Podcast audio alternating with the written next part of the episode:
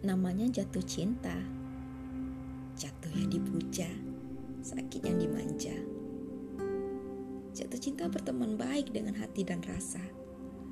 Tak pernah sepaham dengan logika. Jatuh cinta sering kali tertawa. Sering pula mereka melara. Harapan adalah impiannya. Namun kecewa yang sering diterima. Mencinta akan selalu maaf. Walaupun sakit ganjarannya. Jatuh cinta tak butuh yang sempurna.